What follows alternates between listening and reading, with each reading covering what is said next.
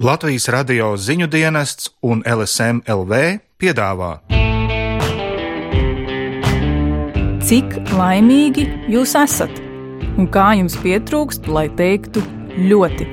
Uz šiem jautājumiem mēs lūdzam atbildēt arī jums, projekta statistiskie tautieši, klausītājiem un lasītājiem jo jūs esat tie, kurus mēs ietilpinājām savā simts cilvēku modelī un gribējām saprast, cik precīza ir mūsu versija par Latviju.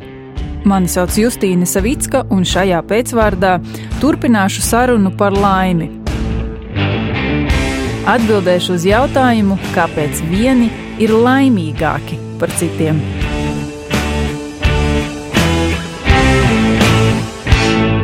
Sākam ar jautājumu, ko mēs uzdevām arī projekta laikā.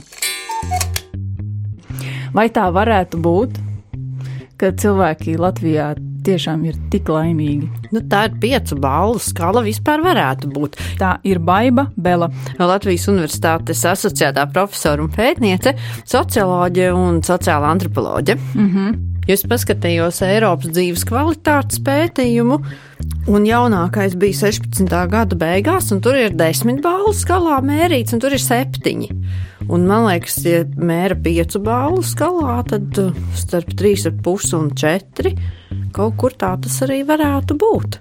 Tāpat kā ar mūsu aptaujātajiem tautiešiem, arī internetā laimīgo un ļoti laimīgo daļa ir ļoti liela. Proporcija gan atšķiras. Internetā ir mazāk ļoti laimīgo, vairāk laimīgo. Tāpat interneta testā, ko jūs arī joprojām varat aizpildīt, tautieši LSM.CLV sadaļa laime. Tur ir vairāk cilvēku, kuri saka, ka ir kaut kur pa vidu. Nedaudz vairāk ir arī nelaimīgo. Ir pieci cilvēki, kas saka, ka ir ļoti nelaimīgi. Starp mūsu aptaujātajiem tādu nebija vispār. Bet tik un tā, secinājums ir, ka mēs neesam tik nelaimīgi, kā varbūt dažreiz šķiet. Un vēl ir tā iedomātais tēls, kur mums pa šiem neatkarības gadiem bija jānokļūst. Man liekas, tā lielākā problēma ir, ka tā ikdiena līdz tam ideāla tēlam jau tā nepavelk. Un ir grūti saprast, ka nevienā valstī viņa nevar būt ideāla. Otrais jautājums vai cilvēki Latvijā ir kļuvuši laimīgāki? Nu, pēc tā Eiropas dzīves kvalitātes pētījuma liekas, ka drusciņi labāk ir. Mm -hmm. Jo 15 gadi liekas šķiet ļoti daudz, ka varētu būt jau daudz eh, labāk. Bijis. Nu, jā, bet mm -hmm. es teiktu, ka tie ir līdzīgi. Nākamais jautājums. Kuri cilvēki ir laimīgāki? Es skatījos uh, to ļoti, ļoti seno 2005. gada pētījumu, kur jūs arī piedalījāties, un tur pētījums sauc dzīves kvalitāte Latvijā. Tur bija tā, ka tie, kas dzīvo pierīgā, viņiem ir izteikti augstāks dzīves kvalitātes tāds vērtējums, tā kā apmierinātība ar dzīvi, bet tie, kur dzīvo Rīgā, tiem salīdzinot ar citām pilsētām, ir zemāk. Tad, vai es saprotu pareizi, ja es tagad pārcelšos uz pierīgu, tas nenozīmēs, ka es kļūšu laimīgāka, bet drīzāk tad ir tā, ka cilvēki, kuri dzīvo jau, piemēram, pierīgā, ir kaut kādi konkrēti apstākļi, kuri viņiem ļauj tur dzīvot, un līdz ar to viņi ir laimīgāki. Nevis tas pats fakts, ka viņi dzīvo pierīgā. Tas drīzāk tā gan varētu būt.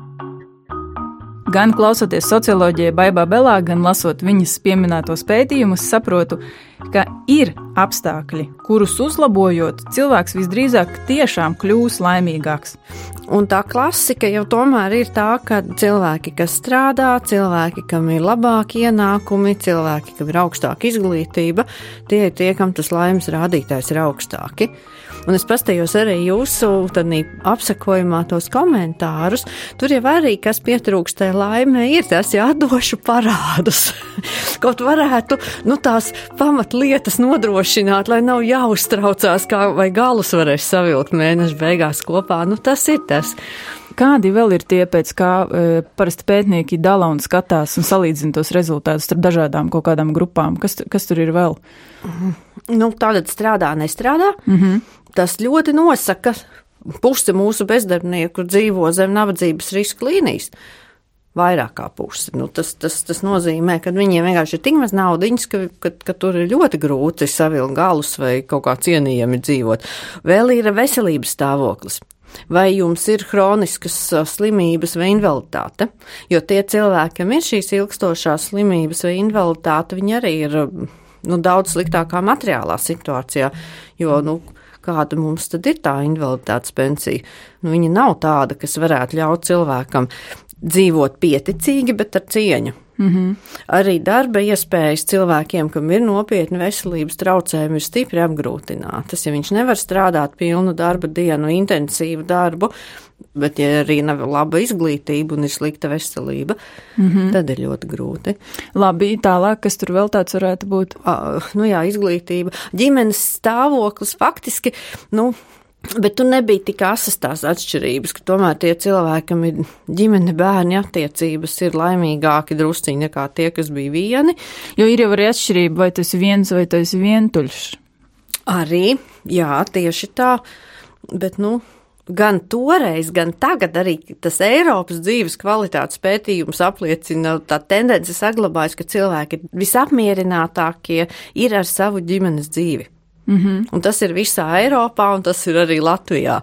Mm -hmm. Ir vēl tās dažas citas būtiskas pazīmes, ko tur vēra. Arī tas pats vecums īstenībā ir diezgan būtisks, un tur mm -hmm. parādās atšķirības un laimes izjūtās starp paudzēm. Starp citu, 2016. gadā veiktajā Eiropas dzīves kvalitātes apsakojumā ir teikts, ka cilvēki, kas ir pensijā, bet turpina strādāt, ir apmierinātāki ar savu dzīvi nekā pārējie pensionāri. Vai ir zināms, kā, kas ir svarīgāks? Ne, tagad man droši vien tomēr būs jāatcaucās uz to pašu, gan to Eiropas dzīves kvalitātes pētījumu, gan pasaules to laimes pētījumu, kas uzsver sabiedrības mikroklimata un nu, teiksim, labklājības politikas nozīmi. Un tie faktori laikam būs nozīmīgāki skatoties tādā valstu līmenī kad pirmais ir valsts tas ekonomiskās attīstības līmenis, ka turīgākās sabiedrībās visumā cilvēki ir vairāk apmierināti ar dzīvi un arī jūtas laimīgāki, un otrs bija tas, ka vienlīdzīgākās sabiedrībās cilvēki ir laimīgāki un apmierinātāki ar dzīvi. Pētot nabadzību, nevienlīdzību un sociālo atstumtību, tad tur faktiski parādās tas, ka tā plaisa starp Rīgu un pārējo Latviju ir pieaugoša. Tur parādās būtiska atšķirība starp tiem nabadzīgākajiem, kad Rīgā viņu ir stipri mazāk un, un, un pārējos reģionos savukārt stipri vairāk. Tas ir īstenībā satraucoša lieta, jo tas rāda uz tomēr tādu nu, struktūrālu nevienlīdzību, un ka tur ir jādomā, kā nepieļaut vēl lielāku Rīgas atrautību no pārējām Latvijas pilsētām un laukiem. Labi, ejam tālāk pie praktiskiem, bet ne tik grandioziem jautājumiem. Ja es viens cilvēks. Nevaru samazināt nevienlīdzību valstī, bet tomēr gribu kļūt eh, laimīgāka vai vairāk apmierināta ar savu dzīvi. Ko es varu darīt? Ja, piemēram, pelnīt vairāk vai kā citādi uzlabot savu dzīvi, nav iespējams. Nu, labi, pieņemsim, jums ir viena stunda laika. Es esmu Tālis Tisenkops, eh, es esmu sociologs. Esmu Zinātniskā institūta Baltikas studijas centra vadošais pētnieks, arī Latvijas Universitātes socioloģijas profesors. Mm -hmm. Pieņemsim, jums ir viena stunda laika, un jūs varētu mm, veikt vienu nodarbi, kas jūs darītu laimīgu. Kuras, starp citu, nebija šajās atbildēs, kas man pārsteidz. Tās ir fiziskās nodarbības. Jā. Piemēram, jūs varētu nūjot, vai lēni skriet, vai pastaigāties. Ja? Un tas jums uh, organismā izdalītu patīkams hormonus un uzlabotu jūsu fizisko un emocionālo labsajūtu. Un tās nav nekādas dumjas, desmit lietas, kas padarīs jūs laimīgu. Arī Latvijā sportošana un laime ir pētīts temats. Man sauc Ieva Zīgula, esmu fizioterapeite un esmu arī anatomijas docente tātad pasniedz anatomiju. Un uh, 2015. gadā aizstāvēju doktora disertāciju, kurā es pētīju, kā fiziskās aktivitātes ietekmē labsajūtu. Bija aptauja, tad bija intervija, un tad bija asins analīžu testi. Mēs noteicām hormonu līmeni, kas ir beta endorfīni, jeb nu, laimes hormonu, tā viņas arī sauc cilvēki, bieži viņas tā atpazīst. Nu, un tad mēs skatījāmies, kā šie hormoni mainās eh, fizisku slodžu ietekmē. Um, tas eh, mans um, vēstījums būtu, ka ir jādara katram cilvēkam tas, kas viņam patīk. Ja kādam, piemēram, nepatīk braukt ar velosipēdu vai viņam ir bail, nu tad skaidrs, ka viņam arī nebūs tik daudz pozitīvu emociju, tur parādīsies arī negatīvās. Mm -hmm. mm, es pirms tam runāju ar pētnieci Baibu Belu. Es arī pirms tās sarunas biju lasījis jūsu promocijas darbu kopsavilkumu. Un tad es tieši skatoties to, ka tie ir Madonas iedzīvotāji, 44 līdz 55 gadus veci, bet es pievērstu uzmanību tam, ka tie ir cilvēki, kuri jau nodarbojas ar sportu. Un tad es pētniecēju Baibai Belai saku, tā kā pārbaudēju savu secinājumu, vai tad pareizāk nebūtu teikt tā, ka cilvēki, kuri nodarbojas ar sportu, nodarbojoties ar sportu, kļūst laimīgāki. Ka tas nebūs tā, ka ik viens cilvēks tagad ies un sāks, piemēram, braukt ar riteni vai nūjot, ka viņš obligāti kļūs laimīgāks. Un es gaidīju, ka viņi teiks jā, bet viņi saka, jā un nē. Es meklēju materiālus par laika plānošanu. Mm -hmm. Un uh, kaut kā vienā no tiem materiāliem bija uzrakstīts, ka faktiski, un to arī pēc tam vēl vienā citā ar medicīnu ar saistītā pētījumā tas parādījās, ka ja cilvēks izvirza mērķus, kaut vai maziņus, un viņus sasniedz, tas jau rada to, to laimes hormonu vienu mm. no viņiem būtu arī interesanti, ja mēs varētu pētīt uh, tieši neaktīvus cilvēkus. Uh, Es prognozēju, ka, ja mēs pielāgotu pareizi šo slodzi, tad tāpat būtu labi rezultāti, jo nu, tas ir. Kā no bioķīmijas, ka principā jebkuras mūsu reakciju izpausmi ietekmē hormoni.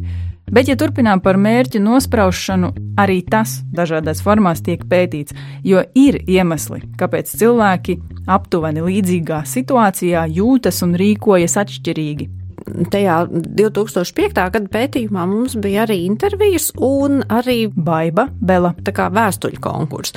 Tajās vēstulēs vairāk bija tieši seniori atbildējuši, un tur, ja visiem ir zemes pensijas, tad viens ir galēji nelaimīgs, bet otrs atrod iespēju aktīvi iesaistīties nu, kaut vai tajā pašā vietējā pensionāra dzīvē, kādā pensionāra klubiņā vai korī, vai un tad tur ceļo un, un, un kustās, un, un tiem bija, kuriem ir piepildīta ikdiena, bija daudz apmierinātāki ar savu dzīvi. Bet es atceros vienu teikumu, ko es izdomāju šī pētījuma sakarā, ka laimīgs un apmierināts ar dzīvi ir tas cilvēks, kurš spēj savai dzīvē piedēvēt ideju un to arī sasniegt. Un savukārt jauniešiem tajās intervijās parādījās, tā sevišķi izteikti, ja ir zema izglītība un zemi tie ienākumi, tad tie, kam bija kaut kāds mērķis, es tagad eju mācīties, vai man ir mērķis dabūt autovadītāju apliecību, lai es varu nu, nezinu, ko vai darbu dabūt tādu. Bet tie, kas teica, ai, nu man nekas nesanāk, bet es īsti nezinu, ko es gribu.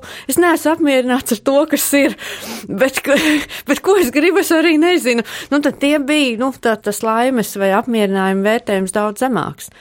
Ir latviešiem modernajiem arī tas sakāvārds, nezini, ko gribi, dabūs, kas paliks pāri.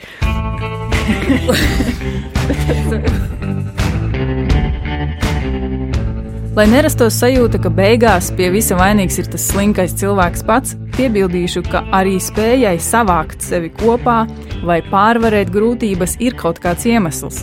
Varbūt cilvēkam ir tuvinieki vai draugi, uz ko paļauties, kad saslimst vai vajag piepieši aizņemties naudu, palīdzēt pieskatīt bērnus vai aprunāties. Tāpat ir ar to, ko mēs varbūt varētu saukt par dzīves jēgu. Varbūt cilvēks audzina bērnu vai rūpējas par tuvinieku, kam ir smaga saslimšana vai invaliditāte. Tādiem cilvēkiem arī pēc 50, kad parasti sajūta par savu noderīgumu sāk mazināties, šajā ziņā ir labāk nekā citiem. Paldies Tālim Tīsenkopfam, Baibai Belai un Ievai Zvīgulai! Izmēriet savu laimi un uzrakstiet komentāru arī jūs tautieši.lsm.lv. Mani sauc Justīna Savicka, un patiešām, patiešām nobeigumā man ir vēlējums, ko saliku kopā no ekspertu un statistisko tautiešu pārdomām. Lai pelnām tik daudz naudas, ka nav jāuztraucas par ikdienu, veselību, nākotni, bet varam strādāt tā, lai pietiek laika un spēka sev, tuvajiem un arī kopējam labumam. Statistiskie tautieši. Simts unikāli stāsti par cilvēku parasto.